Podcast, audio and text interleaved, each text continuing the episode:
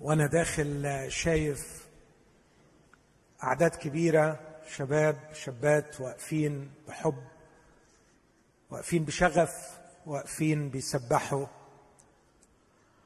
وبعدين أنا وأنا شايفهم كده بقول لنفسي بشكرك يا رب أنا مصدق في الناس دي ومآمن فيهم.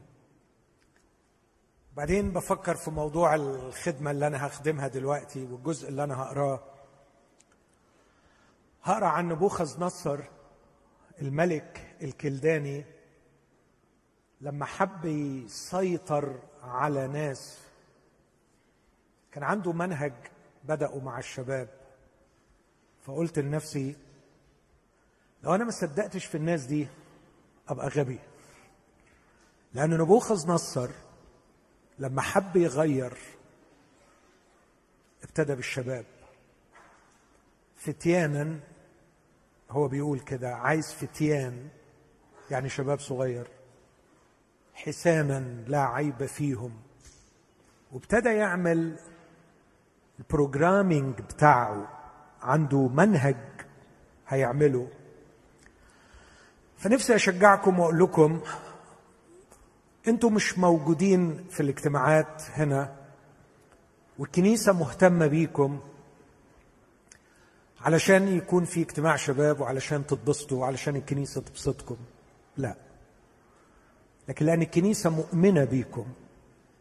الخدام مؤمنين بيكم. والأهم من ده كله إن يسوع نفسه مؤمن بيكم.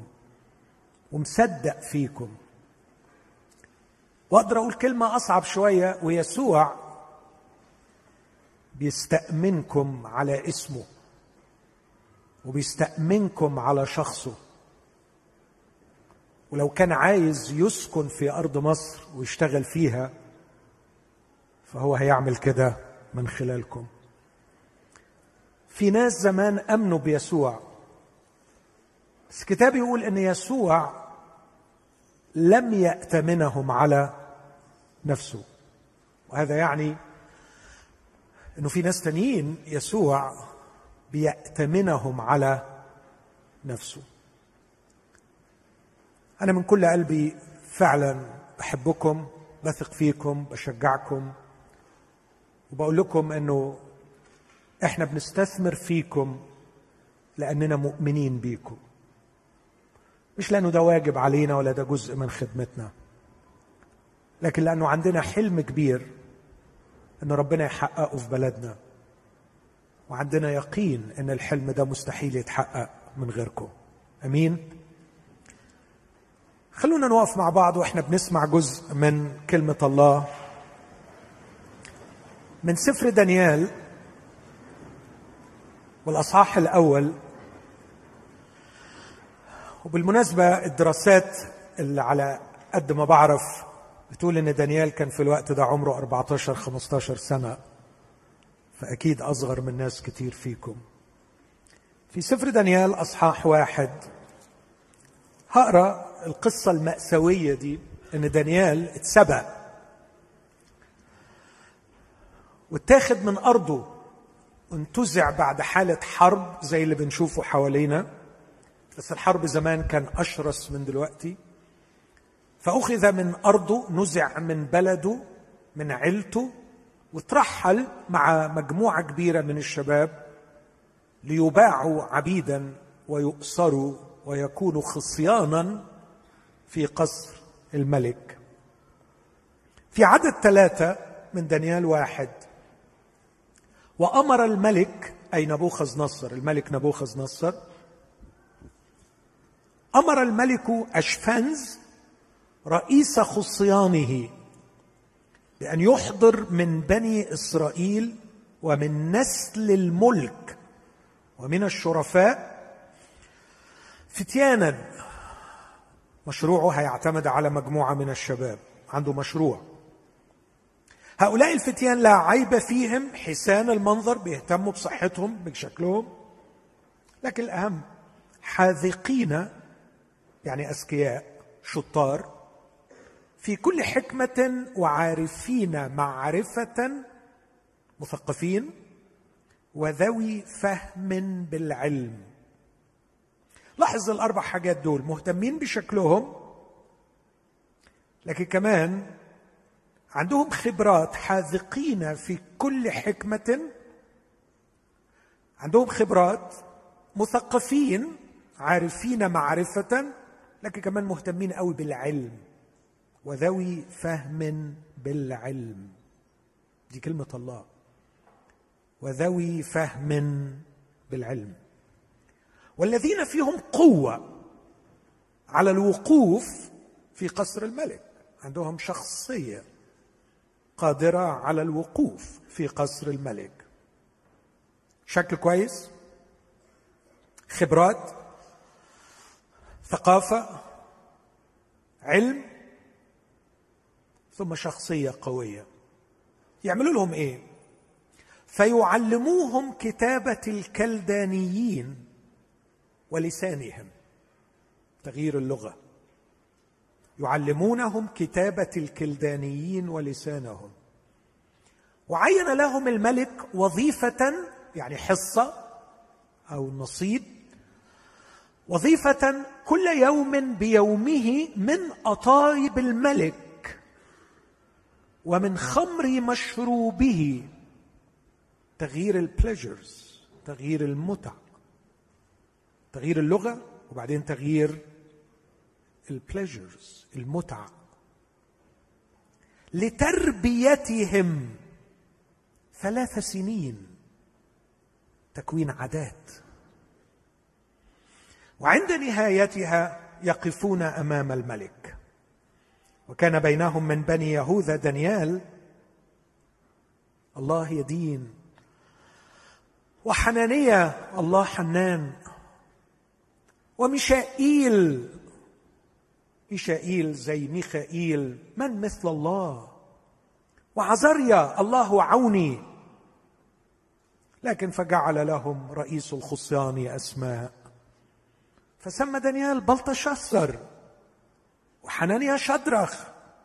وميشائيل ميشخ.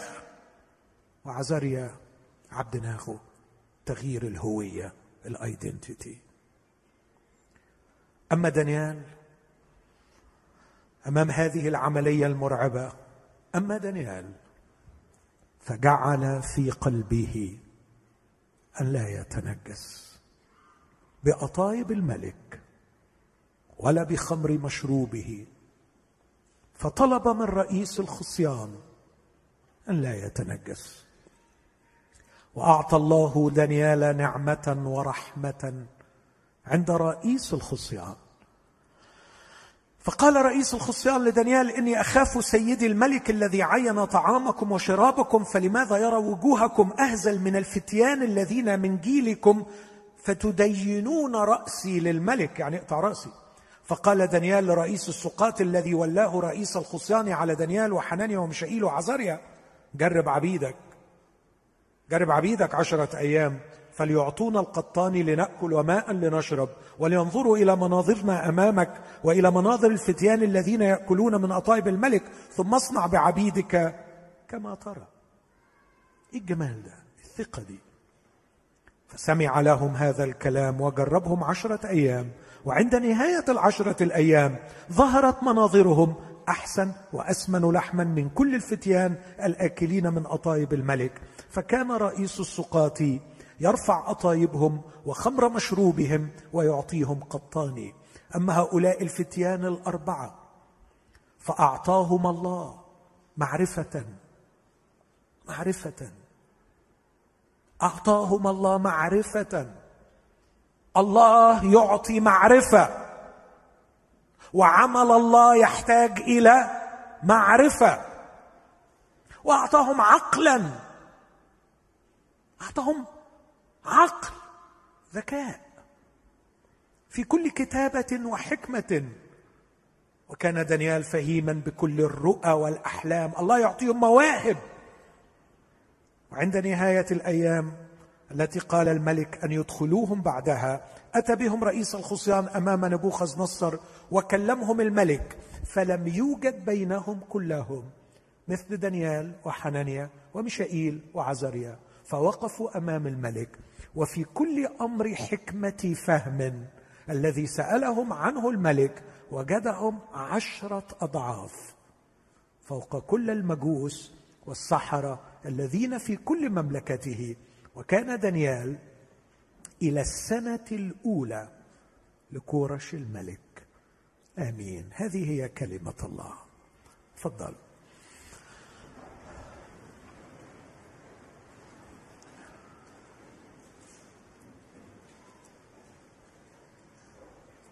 أنا عندي فكرة أحاول أساهم بيها تحت هذا الثيم اللي اختارته الكنيسة أغير عفوا أتغير فاغير أنا هغي أتغير فاغير احطها تحت هذا العنوان. بي B V I P واقصد بال B أن تكون. أن تتغير فتكون.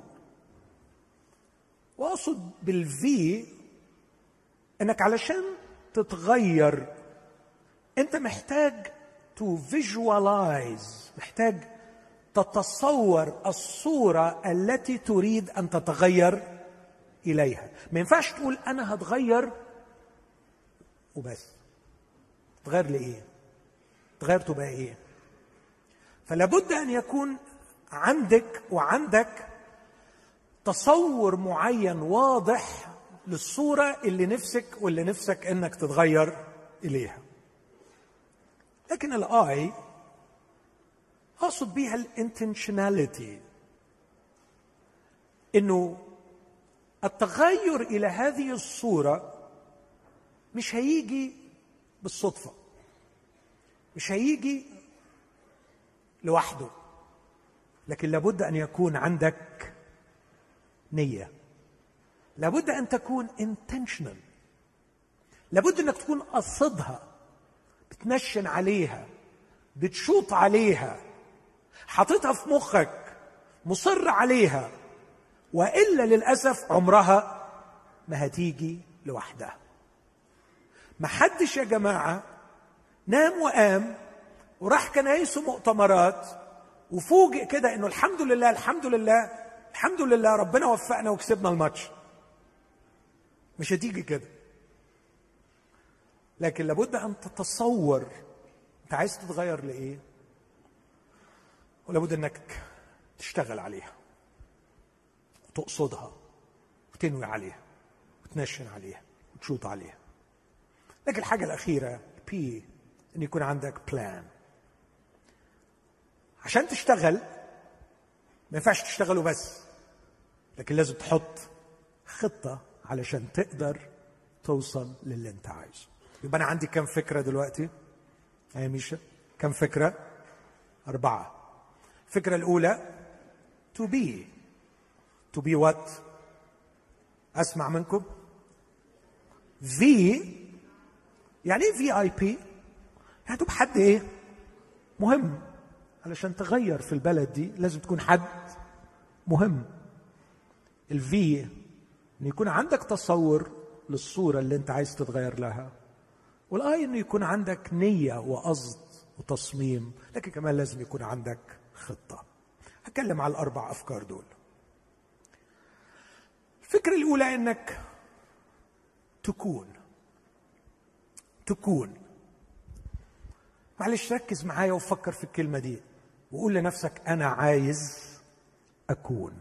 أمين؟ قول لنفسك قول لنفسك أنا عايز أكون.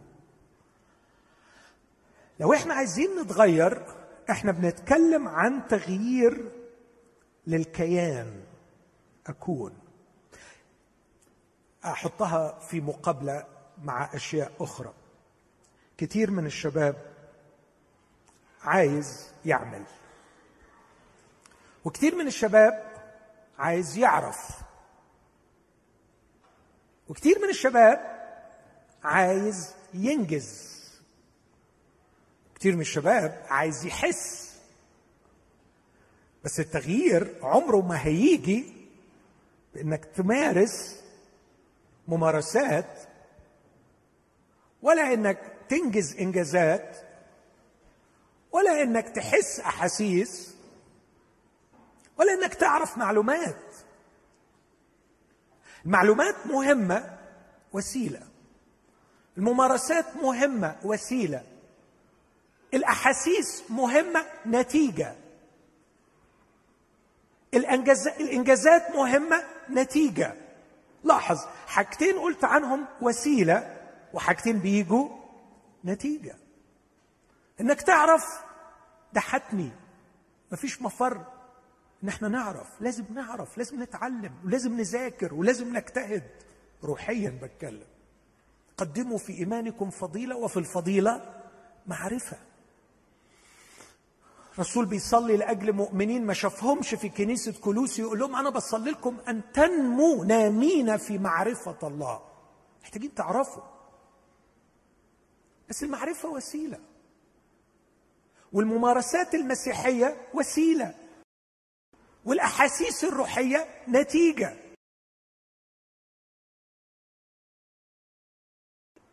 لكن ولا واحدة من الأربعة دول تنفع تكون هي الغاية والغرض الذي نقصده وننويه ونتجه نحوه لكن الغرض هو الكينونة. تو بي أنا عايز أكون. عايز أكون شخص زي يسوع. بص كده العبارة دي يمكن تغير حاجات كتير عندنا لو خدناها بجدية.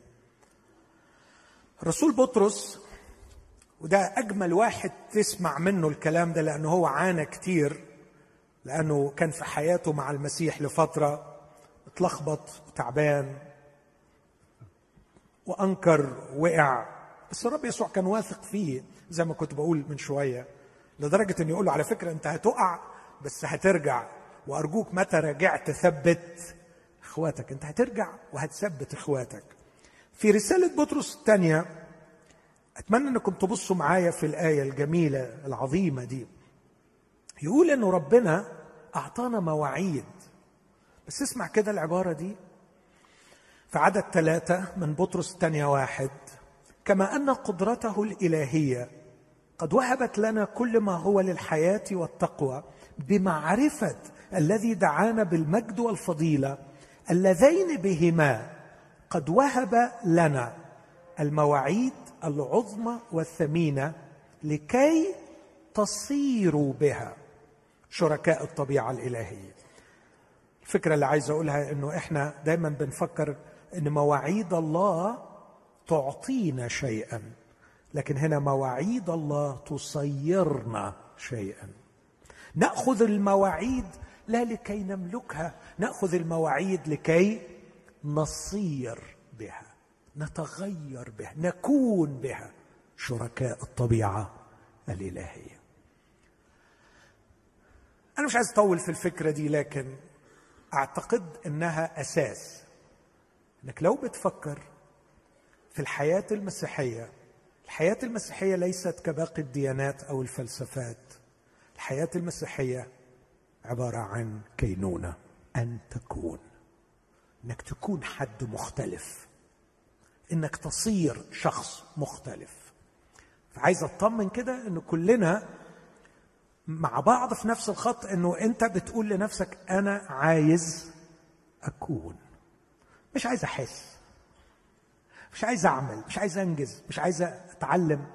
كل دي وسائل ونتائج. لكن الغاية بتاعتنا النهارده أنا عايز أكون. أمين؟ يعني لما أقول أنا هتغير فأغير.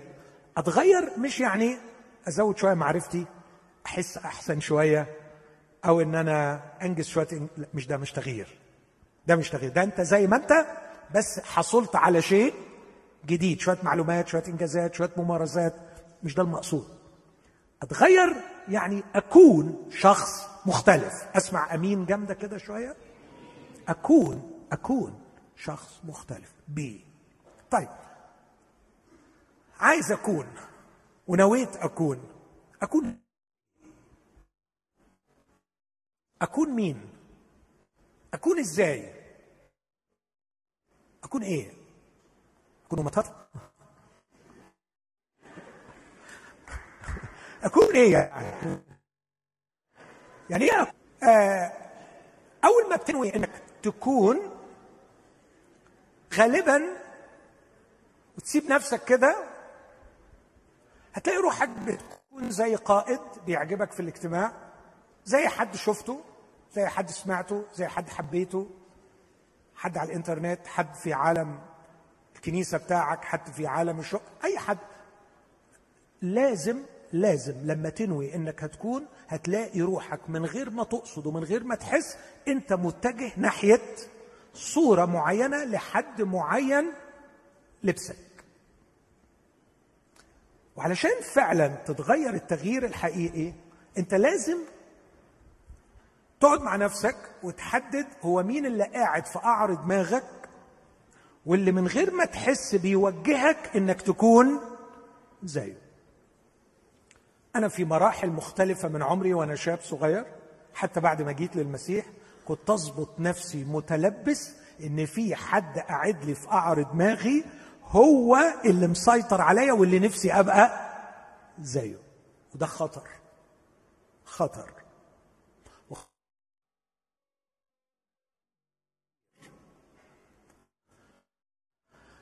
لأنه من حد معروف أو حد حوالينا. الرسول بولس وده أكتر واحد كان يقول للمؤمنين بصوا لي وتعلموا مني. بس كان بيقول لهم بصوا لي وتعلموا مني مش عشان بولس يقعد في قعر راسكم في الآخر ويوجهكم تبقوا زيه. لا. لكن بصوا لي وتعلموا مني لما حطيت المسيح في دماغي. وبجري وراه وبجتهد إني أكون زيه واعملوا زي. مش اعملوا زي يعني تكونوني أنا اعملوا زي في سعي أن أكون مثل يسوع. تمثلوا بي حد فاكر الآية دي؟ تمثلوا بي كما أنا بالمسيح. عايزكم تبصوا معايا في رسالة غلطيه أصحاح ثلاثة وأصحاح أربعة وتحفظوا معايا آيتين لو قدرتوا يبقى كويس قوي عشان نعرف ال V to visualize إنه يكون في صورة معينة في دماغك. بص كده في رسالة غلاطيا أصحاح ثلاثة بولس لما راح للناس دول يخدمهم. رسالة غلاطيا رسالة جميلة قوي في تقسيمتها من أسهل الرسائل اللي تعرف تقسمها. الأصحاح الأول والأصحاح الثاني تاريخ الأصحاح الثالث والرابع تعليم خمسة وستة تطبيق عملي. سهلة قوي. بيحكي تاريخ وبعدين بيعلم التعليم وبعدين بيقول التطبيقات العملية. فصح ثلاثة وأربعة هم قلب الرسالة الجزء التعليمي المهم في الرسالة. فأول أصح ثلاثة يقول لهم اسمعوا الكلمات دي. أصح ثلاثة يقول لهم أيها الغلطيون الأغبياء من رقاكم؟ رقاكم يعني سحركم لعب في دماغكم ضحك عليكم. حتى لا تذعنوا للحق. أنتوا ليه بعدتوا عن الحق؟ أنتوا ليه تحولتوا؟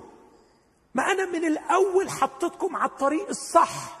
طب هو إيه الطريق الصح اللي حطيتنا عليه واللي إحنا بقينا أغبياء؟ لما اذعنا يعني خضعنا لحد خلانا نبعد عن الخط ده. نكمل؟ واخدين بالكم بيقول إيه؟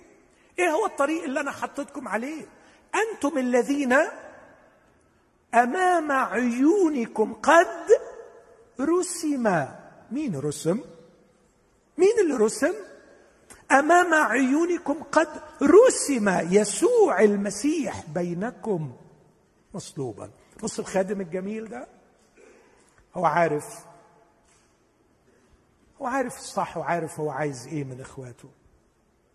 من أول يوم عرفهم وقعد معاهم وعلمهم رسم قدام عينيهم وقدام خيالهم عشان يديهم إمكانية to visualize بطريقة صح. يبقى عندهم تصور معين فرسم قدام عينيهم مين؟ يسوع. يا شباب أنتوا محتاجين تحبوا يسوع. عمركم ما هتتمثلوا بيسوع وتتشبهوا بيسوع وتتغيروا لصورة يسوع إذا ما كنتوش تحبوا يسوع. مين موافقني على الكلام ده؟ أنا كتير بحكي الحكاية المؤلمة دي لما في يوم بقول لابني حبيبي أنا موجوع عليك لاني مش حاسك إنك بتحب يسوع. فصدمني صدمة لا يمكن أنساها. قال لي بابا إزاي أحب حد ما اعرفوش قلت ياه معقول يا ابني؟ طب وإحنا كل العمر ده ما عرفناكش يسوع؟ قال لي بابا أنت عرفتني عنه أنت حكيت لي عنه. لكن أنا ما أعرفوش. ما اعرفه أشكر ربنا إنه بيحبه دلوقتي. لكن عنده حق. أنت مستحيل تحب حد أنت ما تعرفوش. أنت مستحيل تتغير لصورة حد أنت ما بتحبوش. ومستحيل تحب حد أنت ما تعرفوش. فأنت لازم الأول تعرفه.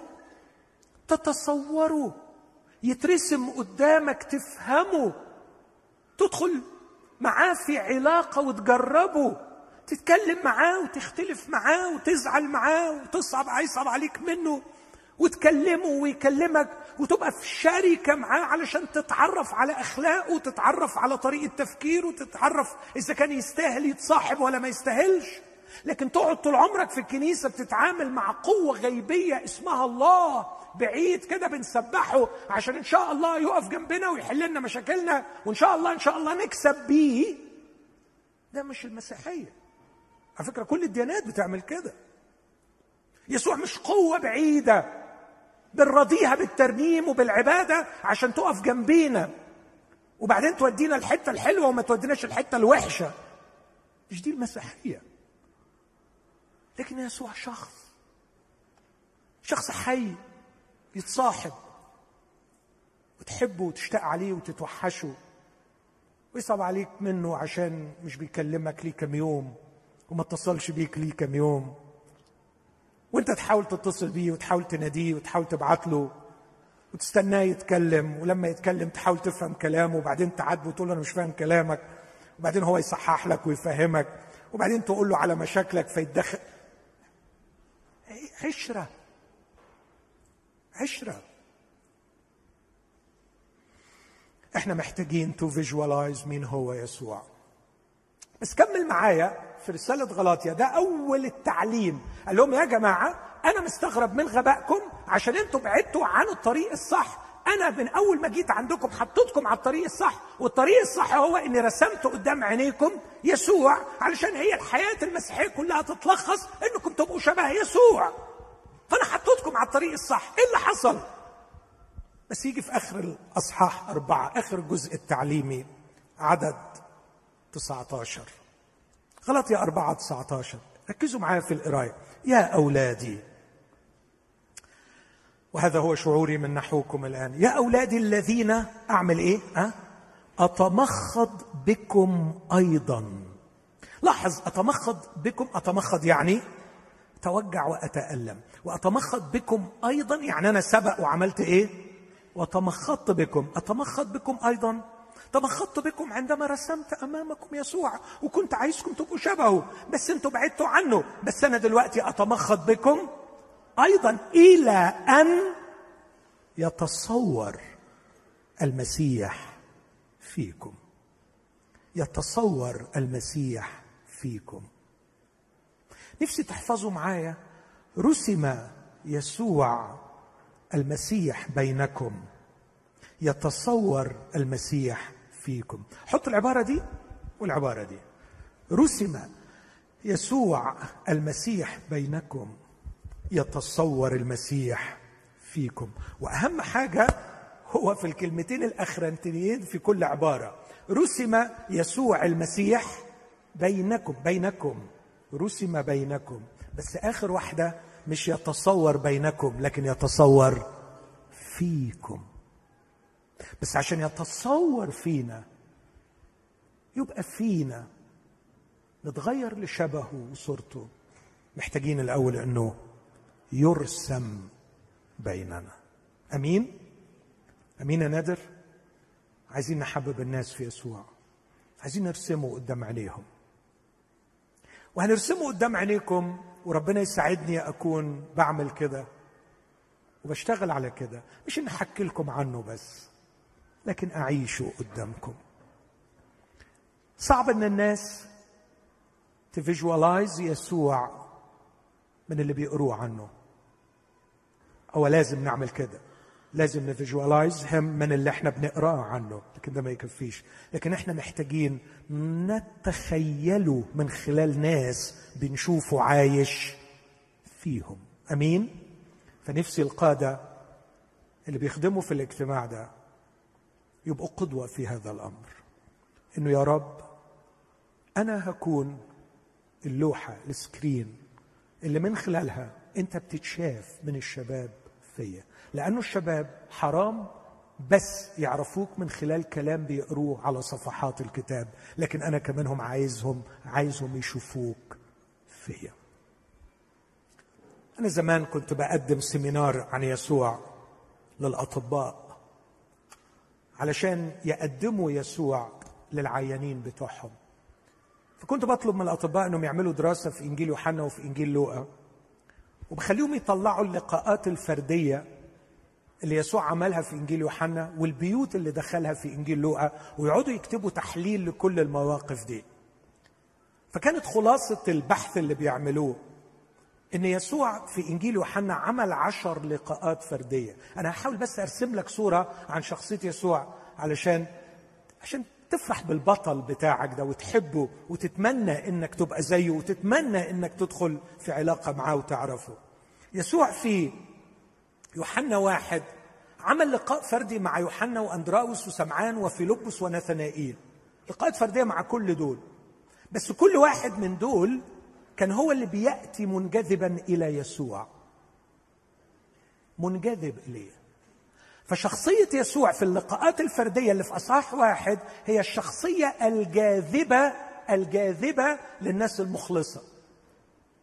وده هتقابله كتير لما تعيش نقي ونظيف وحلو وبتحب يسوع ويسوع يتصور فيك. تبص تلاقي روحك مطرح ما تروح الناس المخلصة لوحديها كده تقرب منك وتقول لك أنا حاسس إن فيك حاجة مختلفة أنا أنا مرتاح لك. يسوع اتراكتيف للمخلصين.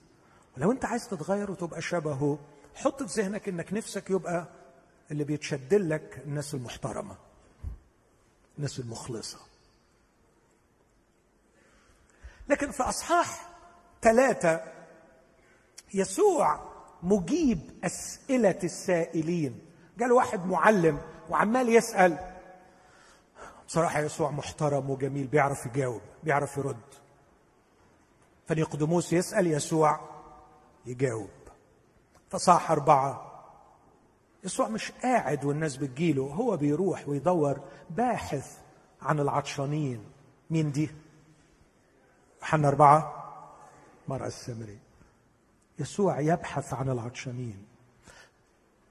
فصح خمسة يسوع يذهب إلى مريض بركة بيت حسدة وينعم على غير الشاكرين بيعمل إحسان مع واحد هو عارف إنه هيروح يبلغ عنه ويسلمه لليهود.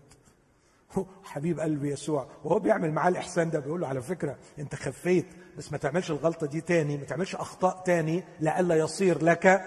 اشر يعني كان بيحذره من الخطية اللي جاية وكانت الخطية اللي جاية إنه يروح يبلغ عن يسوع.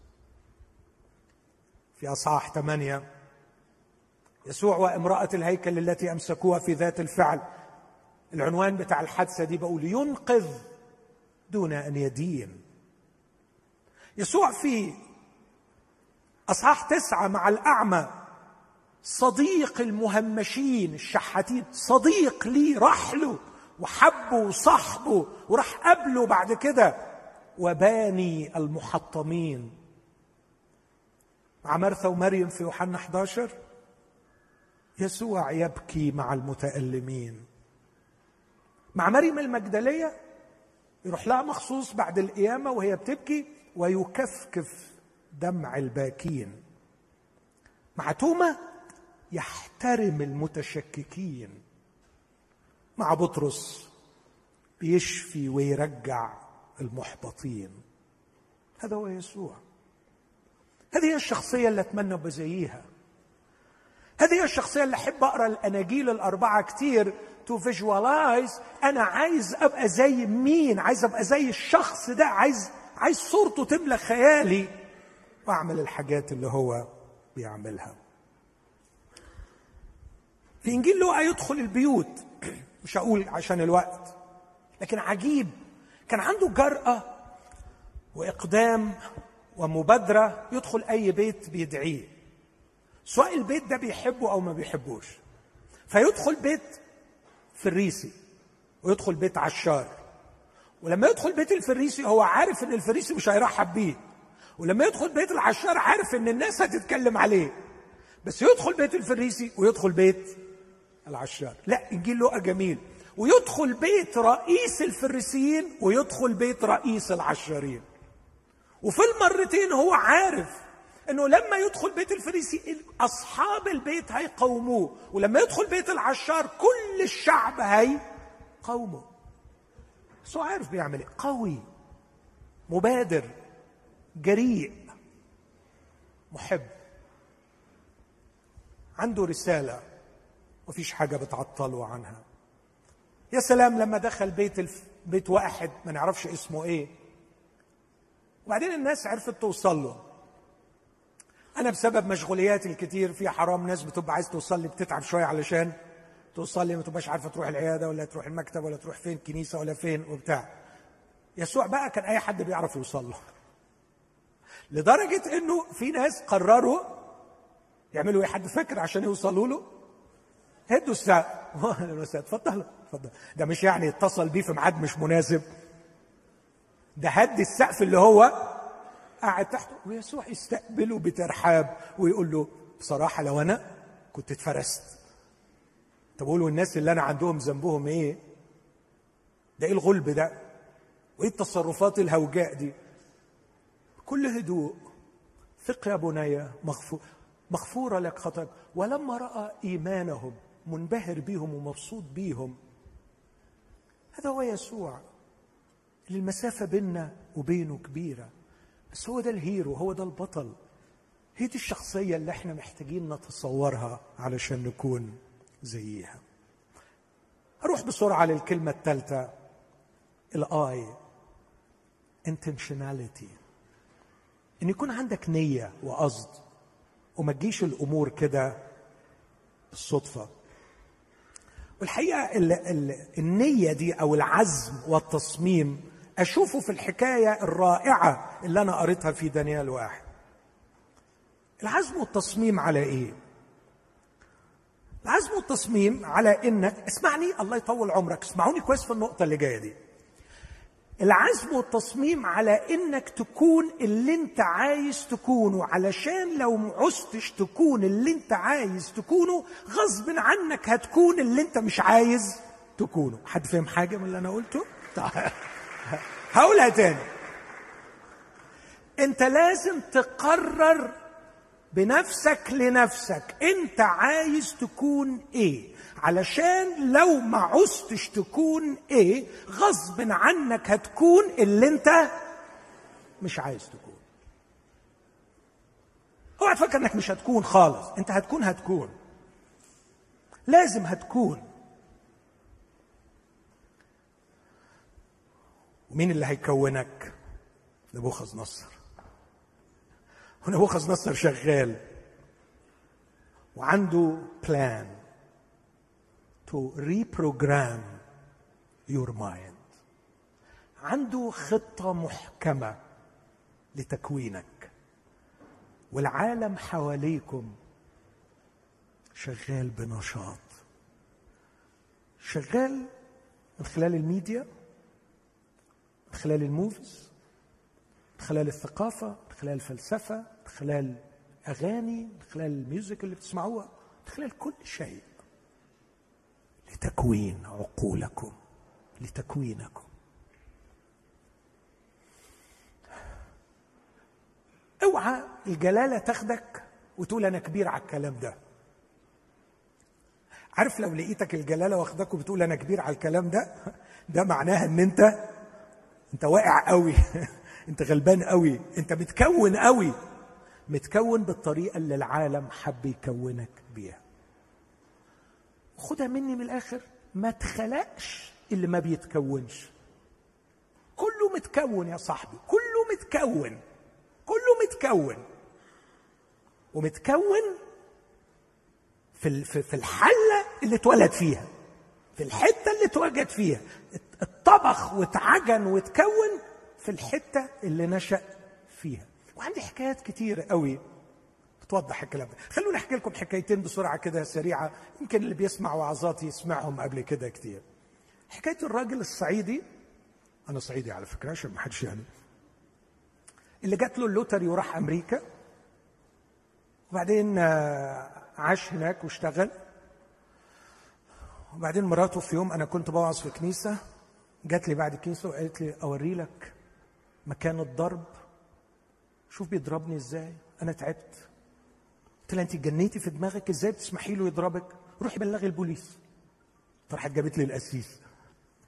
قلت لي الحق. بيقول لي أروح أبلغ البوليس. فجالي الشخص المسؤول بيقول لي أنت قلت لها كده؟ قلت لها آه طبعا. لازم تروح تبلغ البوليس. ولازم ياخد على دماغه. ولازم يتحط في السجن عشان يتأدب وما يمدش إيده عليها. وراحت بلغت البوليس. أنا ما عرفتش بقية التفاصيل بس بعد فترة طويلة رحت أوعظ في نفس الكنيسة. فلقيت شخص صديق ليا جاي بيقول لي على فكرة من ساعة موضوع البوليس ماشيين زي العسل مع بعض. الدنيا بقيت مية مية وبيجوا الاجتماع إيديهم في إيدين بعض وآخر حلاوة. قلت طب عظيم. اشكر ربنا إن في ناس بتخاف ما تختشيش. فكويس. وبعدين بس قال لي في حاجة لطيفة قوي. قال لي تصور قال إيه؟ قال للراجل أنا بس مستغرب من حاجة.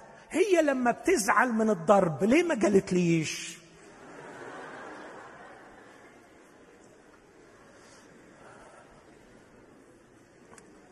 عارف عارفين القصة دي رغم إن إحنا بنضحك لكن مؤلمة جدا بتقول إن عقلية هذا الشخص تكونت. هو تكوين. تكون في بيئة الست فيها تتضرب. فراح أمريكا. واشتغل في أمريكا. ولسه الدماغ هي هي. اوعى تضحك على نفسك ولا حد يضحك عليك وتفهم روحك إنك مش متكون في الثقافة اللي أنت عشت ونشأت وتربيت فيها. ومين يضمن لي يا حبيبي إن الثقافة اللي كونتك ثقافة نظيفة؟ مين يضمن لي؟ مين يضمن لي؟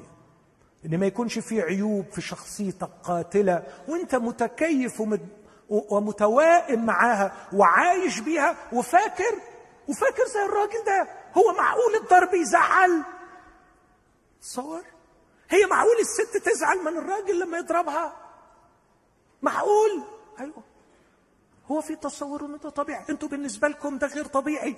لكن بالنسبة له هو في القرية اللي نشأ فيها ده كان طبيعي.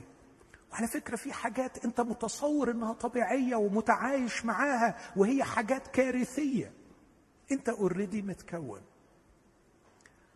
عشان كده لابد إن يكون عندك نية إنك تعيد التكوين. أن تتغير عن شكلك بتجديد ذهنك. وإنك تتكون من أول وجديد طبقا للصورة اللي أنت عايز تكونها. لأنك لو سبت نفسك في مليون حد حواليك عايزك تكون حاجة هو عايزها وهتكونها. والشيء الآمن الوحيد إنك تعوز تكون زي يسوع. إيه الطريقة اللي استعملها نبوخذ نصر. استعمل أربع حاجات في منتهى الخطورة. نفسي بقى إن يكون عندك يعني النيه عندك intentionality إنك تقاوم هذه الأشياء. فالنية علشان تكون زي يسوع تستلزم سلبيا إنك تقاوم الأربع قوة المكونة في هذا العالم. نبوخذ نصر بذكاء شديد أول حاجة يغير لغتهم يغير اللغة بتاعتهم. نمرة اثنين يغير المتع بتاعتهم. نمرة ثلاثة يغير العادات بتاعتهم. يقعد ثلاث سنين بيكرر نفس الحاجات عشان يكون لهم عادات جديدة. نمرة أربعة يغير هويتهم. لغتهم متاعهم عاداتهم هويتهم. كل واحدة من دول عايزة محاضرة يا نادر. كيف تغيير اللغة يغير التكوين. اللغة دي على فكرة شيء خطير ومعقد وغامض. محدش قادر يفهم أسرار اللغة. اللغة تعبير عن النفس. انت لما يجي تيجي تعبر عن كيانك من جوه ما عندكش وسيلة إلا اللغة. يعني إيه اللغة؟ مش يعني الحروف والمفردات والقواعد. يعني القصص اللي قريتها. وأنت كونت اللغة إزاي؟ الحكايات اللي سمعتها الأفلام اللي شفتها. أنا لما بقعد مع الولاد بسمع منهم كلام ما بفهموش فبسألهم بقول لهم هي الكلمة دي إيه؟ قصدي كانت في الفيلم الفلاني أنت ما تعرفش الفيلم ده. أصل الكلمة دي في الأغنية الفلانيه أصل دي في النكتة الفلانية أصل دي في الموقف الفلاني. يصاغ الكيان بطريقة معينة من خلال اللغة. اللغة تكونك. هناك قاعدة في علم النفس خطيرة للغاية اسمها كده اسمعها بالعربي وحاول تفهمها. الإنسان منتج لغوي منتج لغوي. أنت إنتاج اللغة التي تسمعها وتتكلم بها وتتفاعل بها. عشان كده عندك انتنشن عندك قصد ونية إنك تكون زي يسوع. خلي بالك باللغة. خلي بالك من اللغة اللي بتقراها واللغة اللي بتسمعها والأفلام اللي بتشوفها والجو اللي بتعيش فيه والمجموعة اللي بتتعاشر معاها والقصص والحكايات والروايات اللي انت بتستمتع بيها. خلي بالك من اللغة فأنت منتج لغوي. لكن كمان السؤال الثاني في غاية الأهمية عجيب قوي نبوخذ نصر بيقول لهم أنا عايزهم ياكلوا من قطايب الملك ومن خمر مشروبه. ده طبعا كرم أخلاق منه مش كده؟ لا هو ما عندوش كرم أخلاق خالص ولا عنده أخلاق من أصله. لكن ده خطة ده ذكاء. أن تغير نوع المتع للأشخاص. لو عايز تكون شخص بشكل معين حدد له نوع متع معين. وأنا يا شباب بتوسل إليكم كأب. لأني بحبكم وبخاف عليكم أرجوكم فكروا معايا في الفكرة دي. أنواع متعكم تكونكم. متعكم تكونكم. راجع الأشياء اللي أنت بتستمتع بيها. فأنت منتج طبيعي للمتع التي تستمتع بها. خليني أقولها لك تاني. قل لي بما تستمتع أقول لك من تكون. قل لي إيه الحاجات اللي بتبسطك. وعشان كده لو عندك قصد ونية انتشناليتي حقيقية إنك تكون خلي عندك نية إنك تحدد نوع المتع اللي أنت هتستمتع بيها. حدد مذاقك حدد تذوقك حدد نوع شهيتك أنت هتحب إيه؟ أيوه أنت اللي تحدد. تقول دي أنا قررت إني أستمتع بيها ودي أنا قررت إن أنا مش هستمتع بيها. حد جرب يغير نوع المتعة بتاعته؟ أتذكر زمان لما خطبت ماجدة مراتي لقيتها بتشرب الشاي من غير سكر تشرب القهوة من غير سكر. قالت لي وأنا من وأنا صغيرة اتعودت على كده. قلت لها ياه معقول؟ فجربته لقيته طبعا ما يطقش. بس بعد شوية قلت لا مش معقول ابدا تكون هي عندها كنترول على رغبتها أكتر مني يعني. فأنا قررت إن أنا هقلل لغاية ما فترة بسيطة جدا بقيت بشرب الشاي حقيقي حقيقي النهارده لو حد حط معلقة كانت محطوطة في شاي فيه سكر حطها لي في الشاي بتاع ما طقش اشرب نفسي تموع. خلاص بقيت أستمتع بالبلاك كوفي. سادة خالص. ما فيهاش سكر ما فيهاش ملك طعمها المر يحرق في الزور جميلة خصوصا في الشتاء. احبش ابوظ طعمها ما احطلهاش اي حاجة. هي كده black coffee جميلة. في ناس لما أقول لهم هاتوا لي القهوة بتاعتي black معقول؟ هتشرب معقول؟ أيوه. أنا أغير نوع متعي ولما بغيرها بلاقي نفسي مع الوقت أنا بعمل إيه؟ ها؟ استمتع بيها. سأكون. ما أريد أن أكون. ولن أكون. ما يريدني الآخرون أن أكون. لذا سأتحكم في اللغة التي تكونني. اللي بسمعه واللي بشوفه واللي بقرأه. تخيل أنا بسمع كتير كلمة الله. لو أنا بسمع كتير بودكاست محترمة. عندي ابن الصغير مبهور بالسياسة والفلسفة فبيقعد طول الوقت يسمع حاجات فلسفية وحاجات سياسية. منين ما بنقعد مع بعض؟ خلاص خلاص. هو اتبرمج على كده. ما عندوش حكاوي غير في الفلسفة والسياسة. لأنه بيسمع. اللغة تكوننا. تخيل لو أنت بتسمع كتير. الكتاب المقدس. تسمع وعظات.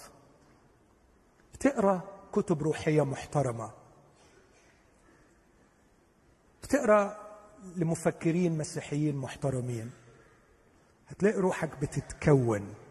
من اللغة. حدد المتع. قلل أنواع المتع. غير أنواع المتع. اتحكم في أنواع المتع. قول إيه المتع اللي في 2020 عايز أتخلص منها. على ما أوصل لديسمبر 2020 ما تبقاش دي ممتعة اني مور ليا.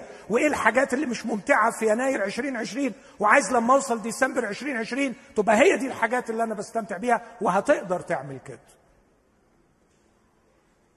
لكن كمان الراجل ده غير العادات. مجرم حط خطة إنه الحاجات اللي يعملوها يفضلوا تربيتهم. بص الكلمة تربيتهم. يعني إيه تربيتهم؟ يعني تكرار تكرار تكرار لمدة ثلاث سنين. تكوين العادات.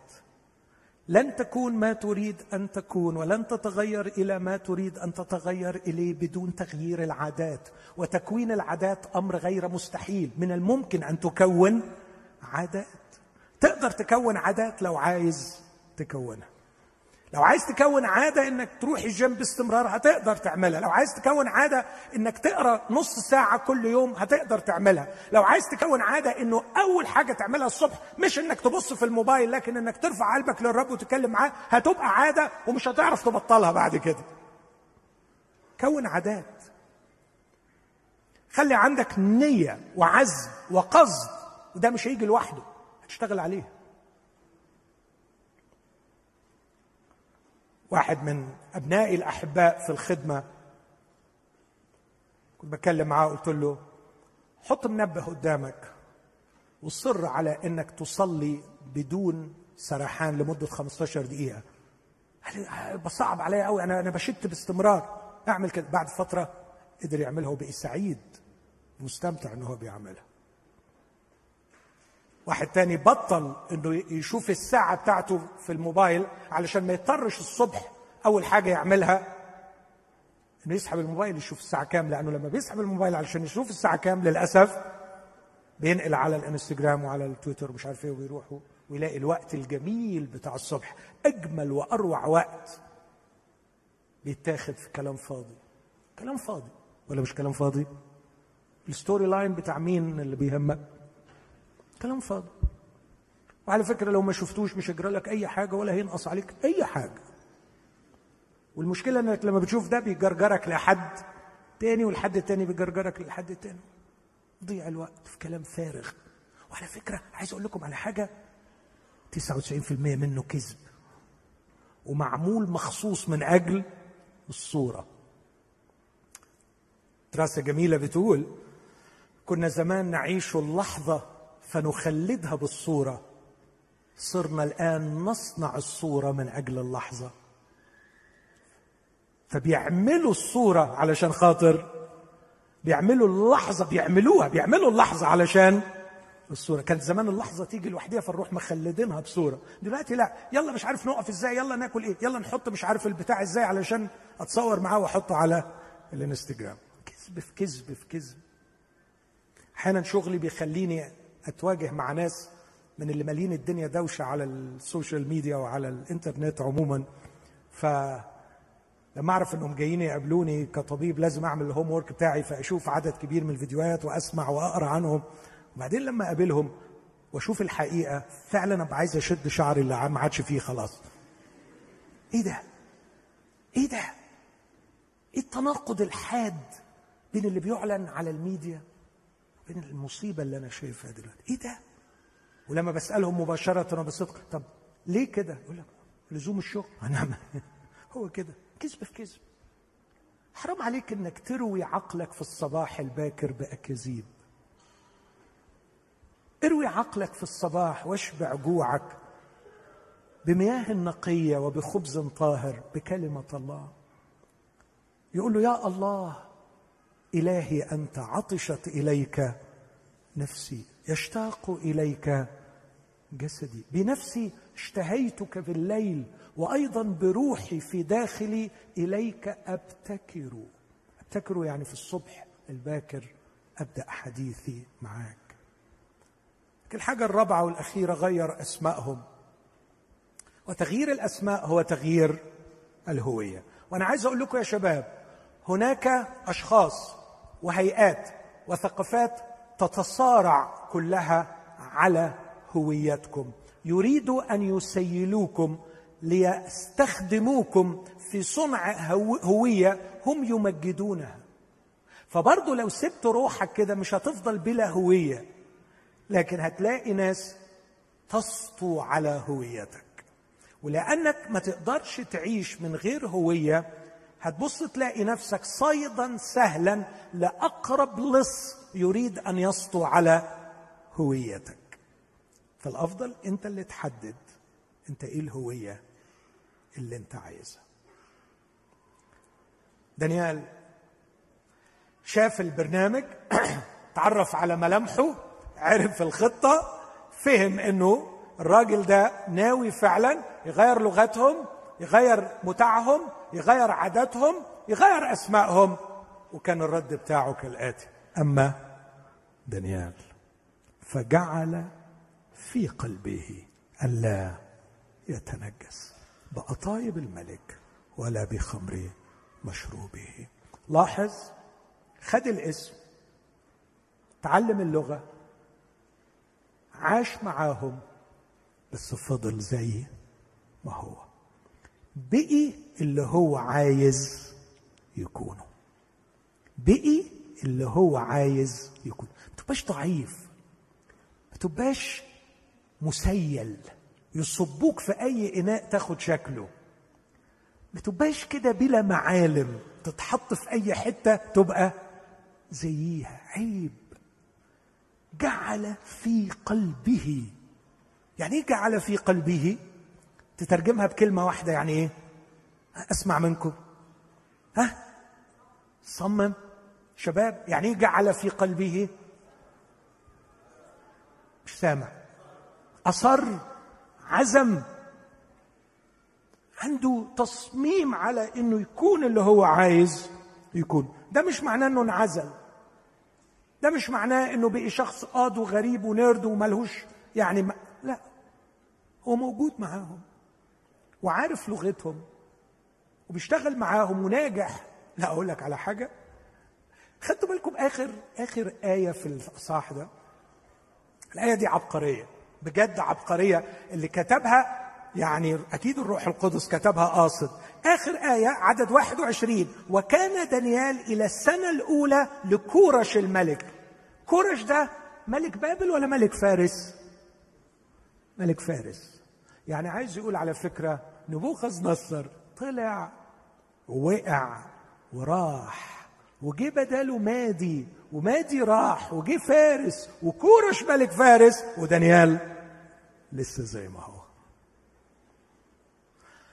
عجبي تسقط الممالك ويبقى وزي ما نبوخذ نصر استعان بدانيال يبقى رئيس وزراء كورش استعان بيه يبقى رئيس وزراء. الممالك اتغيرت وفضل دانيال عالي. إذا قبلت أن تسيل وتتشكل وتتلون بالهويات المختلفة التي يريد الناس أن يغيرك إليها. على فكرة الهويات دي هتروح وأصحابها هيروحوا وأنت هتروح. لكن زي ما قال يوحنا أما الذي يصنع مشيئة الله يثبت إلى الأبد. أخيرا اعمل خطة. ليكن عندك خطة. في شخصين أمتحنكم حاجة ثقافية بسيطة. في القرن العشرين حاربوا التمييز العنصري بشكل رهيب. حد يفتكر الأسماء؟ مانديلا برافو. ومين تاني قبله؟ لوثر كينج. برافو. إيش الشطارة دي؟ برافو عليكم مارتن لوثر كينج ونيلسون مانديلا. واحد في أمريكا وواحد في جنوب أفريقيا. حد فاكر مارتن لوثر كينج أهم عبارة كان يقولها؟ أيوه. I have a dream. عندي حلم. طب حد فاكر نيلسون مانديلا كان بيقول إيه؟ كان عنده عبارة برضه. صعبة شوية دي. كان يقول I have a dream. I have a plan. عندي حلم وعندي خطة. في ناس كتير قوي عندها أحلام وتفضل طول عمرها بتحلم لغاية ما تموت وهي بتحلم وحلمها ما شافش النور لأن ما عندهاش خطة. وأنت تيجي الاجتماعات تتحمس هكون هكون هكون بس ما فيش خطة. هتفضل زي ما انت. إيه الخطة اللي ممكن نعملها؟ إحنا في أول السنة حلوة قوي إن يبقى عندك reading plan خطة لقراءة الكتاب المقدس. من فترة بسيطة مش فاكر من قد إيه قلت في وعظة جرب إنك تقرأ عشر أصحاحات في اليوم. زيزو سمعني بقول الكلمة دي. امبارح كلمني يشجعني قال لي على فكرة أنا عايز أطمنك أنا لسه ماشي على الخطة. قريت الكتاب كله مرة ونص لغاية دلوقتي وما أقولكش ده قد إيه غير في حياتي. عارف عشر اصحاحات هياخدوا منك قد إيه؟ نص ساعة. طب أسألك سؤال بأمانة أنا ما أعرفش إيه الجيمز الجديدة اللي أنت بتحبها اللي بتلعبها على التليفون بس خليك أمين معايا وقول لي أقل واحدة منهم بتاخد منك قد إيه وقت. أسمع كده رقم حد أمين جدع شجاع. نص ساعة ربع ساعة ساعة ساعتين ساعتين ساعتين في ال games. الله يسامحكم. ساعتين في ال games. ربنا يهديكم. ساعتين في ال games؟ ربنا يغضب عليكم. بجد ساعتين في ال games؟ طب هتشوف وش ربنا إزاي؟ طب مش مكسوف من نفسك؟ ساعتين في ال games؟ ساعتين من عمرك بتهدرهم just علشان تتحكم في الدوبامين اللي في دماغك؟ وتوصل نفسك لحالة إدمان؟ من غير ما تحس. أنا عايز أكون. أنا بختم. أنا عايز أكون. العمر بيجري مني. والأيام مش مضمونة. وأثمن شيء في الدنيا مش إني أملك لكن إني أكون. وأحلى حد أكون زيه. هو يسوع. ولما هكون زي يسوع واتغير وابقى شبهه أنا هبقى فرحان وأحب نفسي وهقبلها وهبقى فخور بيها وهيبقى أعظم حلم عندي اتحقق اني بقيت إنسان محترم. لكن كمان عندما أصير كيسوع لما أبقى زي يسوع سأبارك الناس من حولي. هغير الواقع من حولي. يسوع دخل في الواقع غيره. دخل مزود برمز عيد. اتحط على صليب برمز ديانة وتاريخ. يسوع يسوع بيدخل أي حتة بيتواجد في أي مكان. يصنع خيرا ويغير الواقع. أنا عايز عايز أستهلك عمري في إني أكون. عشان أكون أنا محتاج أشوف يسوع كويس فهقرأ الاناجيل الأربعة كتير وأكون صورة صحيحة عنه. هشوف يسوع في الاناجيل الأربعة وهقرأ عنه كتير. وهعمل خطة لقراءة الأناجيل الأربعة عدة مرات كل شهر لأني نفسي فعلا صورته تطبع في خيالي عايز أحبه ومش ممكن أحبه من غير ما أعرفه. هعمل خطة وهيبقى عندي قصد إني أقرأ وأعرف عنه كتير لدرجة إن الحكايات بتاعته ولغة الحكايات بتاعته تدخل في كياني وتبقى هي لغتي وتغيرني.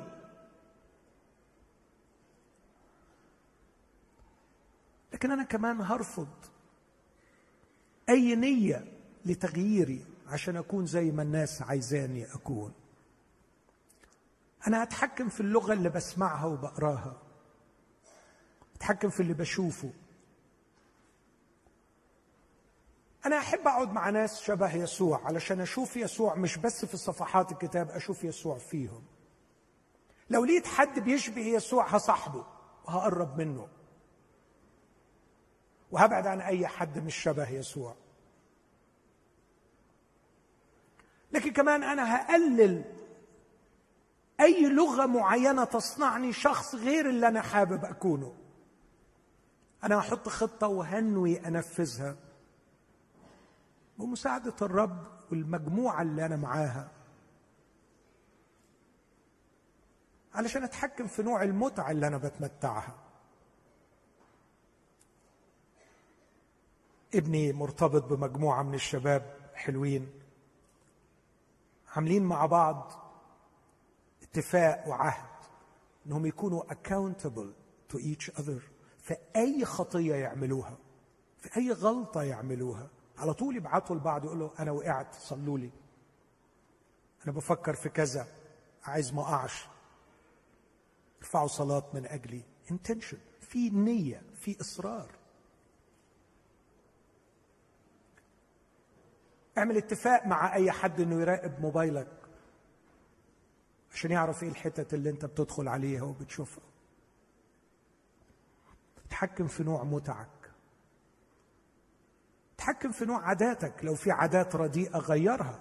اعمل plan انك تغيرها واعمل plan انك تكون عادات جديدة. خليك في اي بي اتغير علشان تقدر. تغير. أمين؟ أنا هختم باللي بدأت بيه. أنا مؤمن بيكم مصدق فيكم واثق فيكم.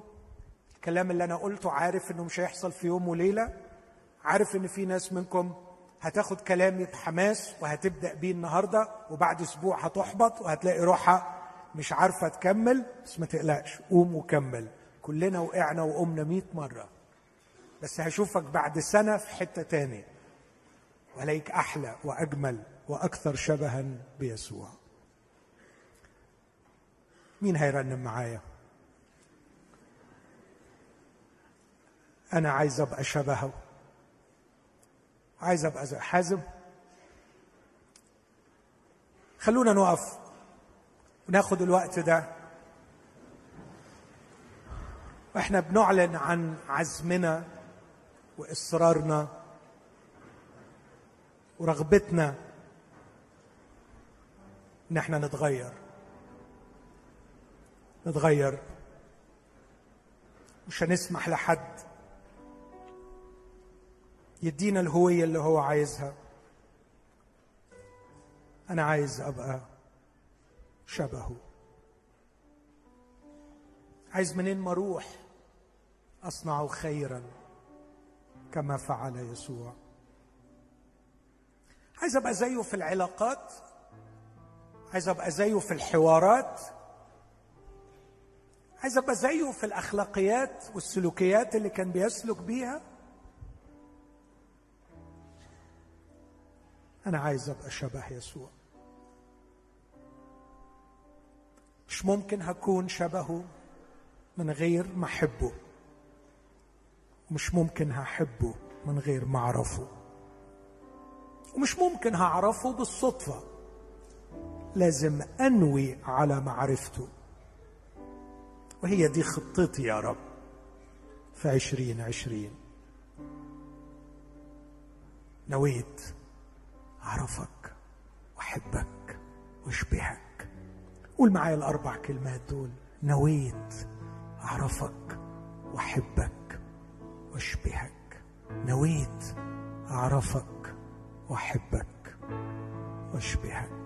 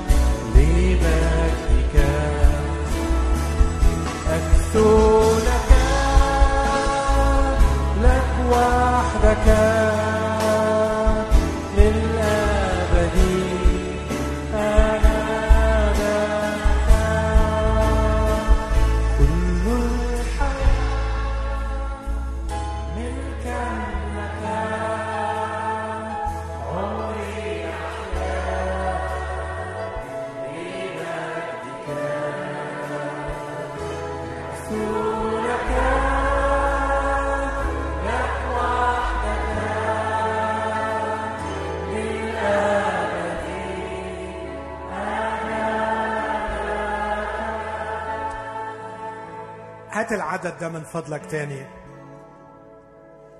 أنا الترنيمة دي لمستني محمساني ومشجعاني. بس أنا خاف عليكم مرات نقول كلام كبير من غير ما نفكر فيه. المشكلة في الحكاية دي إنك بعد كده أنت بتحتقر نفسك وأنا ما أحبكش تبقى في الموقف ده.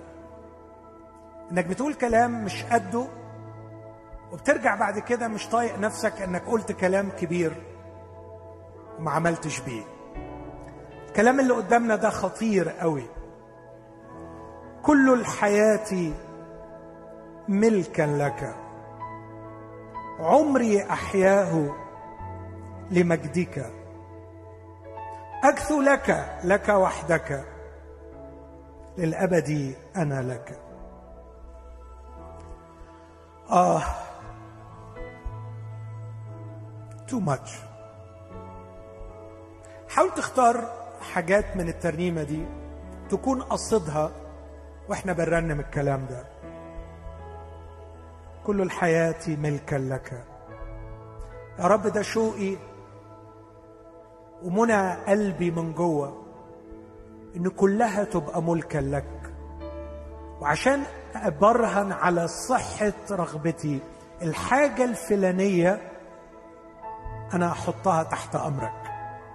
اختار حاجة حددها بالاسم وقدمها للرب النهارده كعلامة على أنها كل الحياة مع الوقت والأيام تكون ملكا له.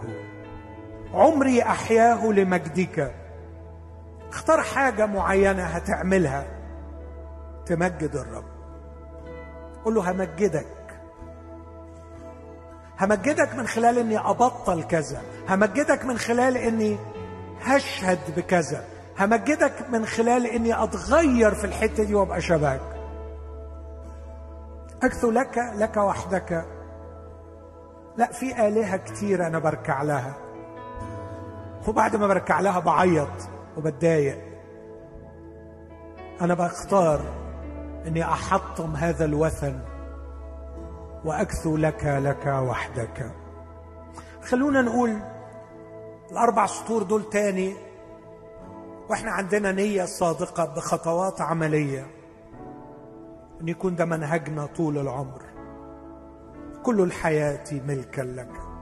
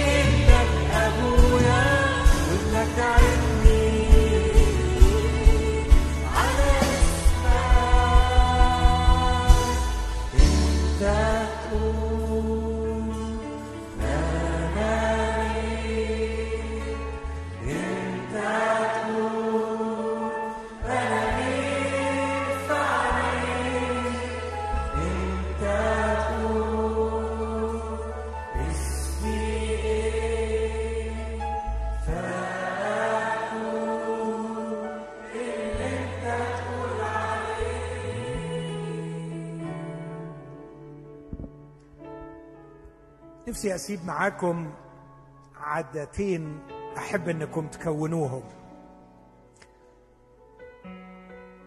أكتر حاجة في الحياة حواليكم النهاردة هي الألم. الألم موجود في كل نقطة حواليكم.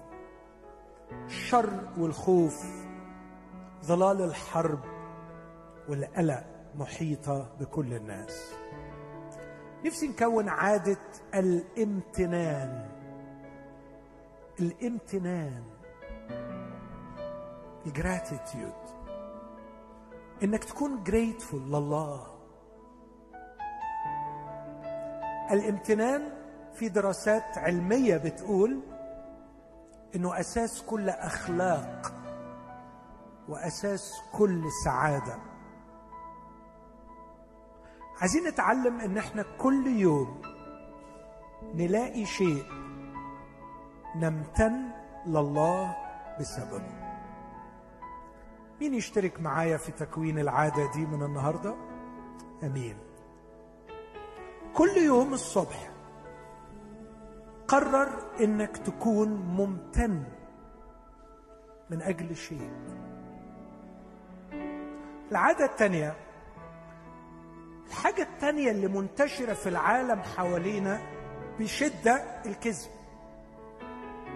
الناس عايشة من جوه حاجة ومن بره حاجة تاني. ناس بتقول كلام غير الحقيقة.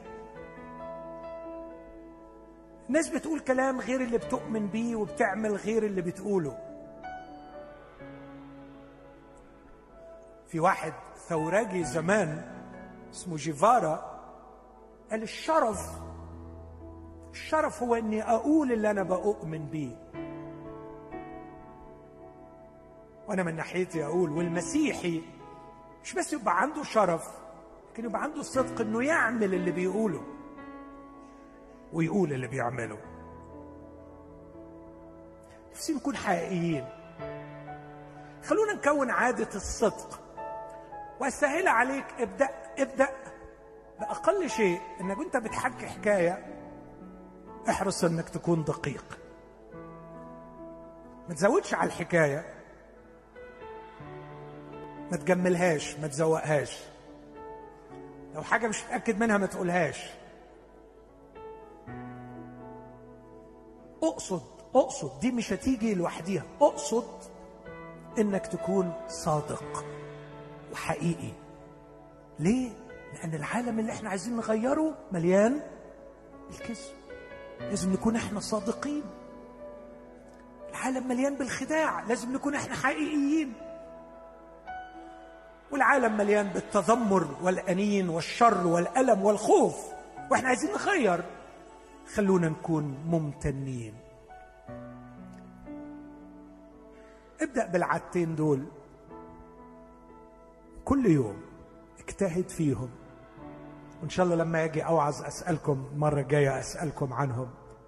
أوعدك وأأكد لك إنك هتلاقي نفسك شخصية مختلفة بس لو بدأنا بالاثنين دول الامتنان والصدق.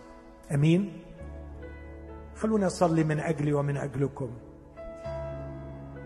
أشكرك. أشكرك من كل قلبي لأجلهم.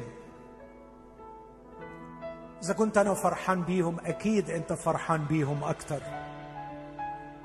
وأنت شايفهم بيحبوك وبيحبوا كلامك. ومشتاقين يتغيروا. ومشتاقين يغيروا. أتضرع إليك أن تسيج حولهم. أتضرع إليك أن لا تكف عن الكلام إليهم. أتضرع إليك أن تحيطهم في صحوهم ونومهم في خروجهم ودخولهم. ليكن روحك دائما معهم يتكلم إليهم. قل لهم هم مين؟ واخلق فيهم رغبة يكونوا اللي انت تقول عليه. املأهم بالتصميم وبالعزم. يكونوا شبهك يعرفوك ويحبوك ويبقوا أبطال زيك يا بطلنا العظيم يلي دخلت العالم وغيرت وعايز تخلق مننا ناس شبهك علشان نغير. تضرع إليك. من أجل فضيلة الامتنان أن تملأنا بروح الامتنان. أتضرع إليك. أن تملأنا بفضيلة الصدق والأصالة. فنكون أمناء في كل كلمة. وحقيقيين في كل تصرف. أيها الآب المحب اقبل تضرعي من أجلهم. في اسم المسيح آمين.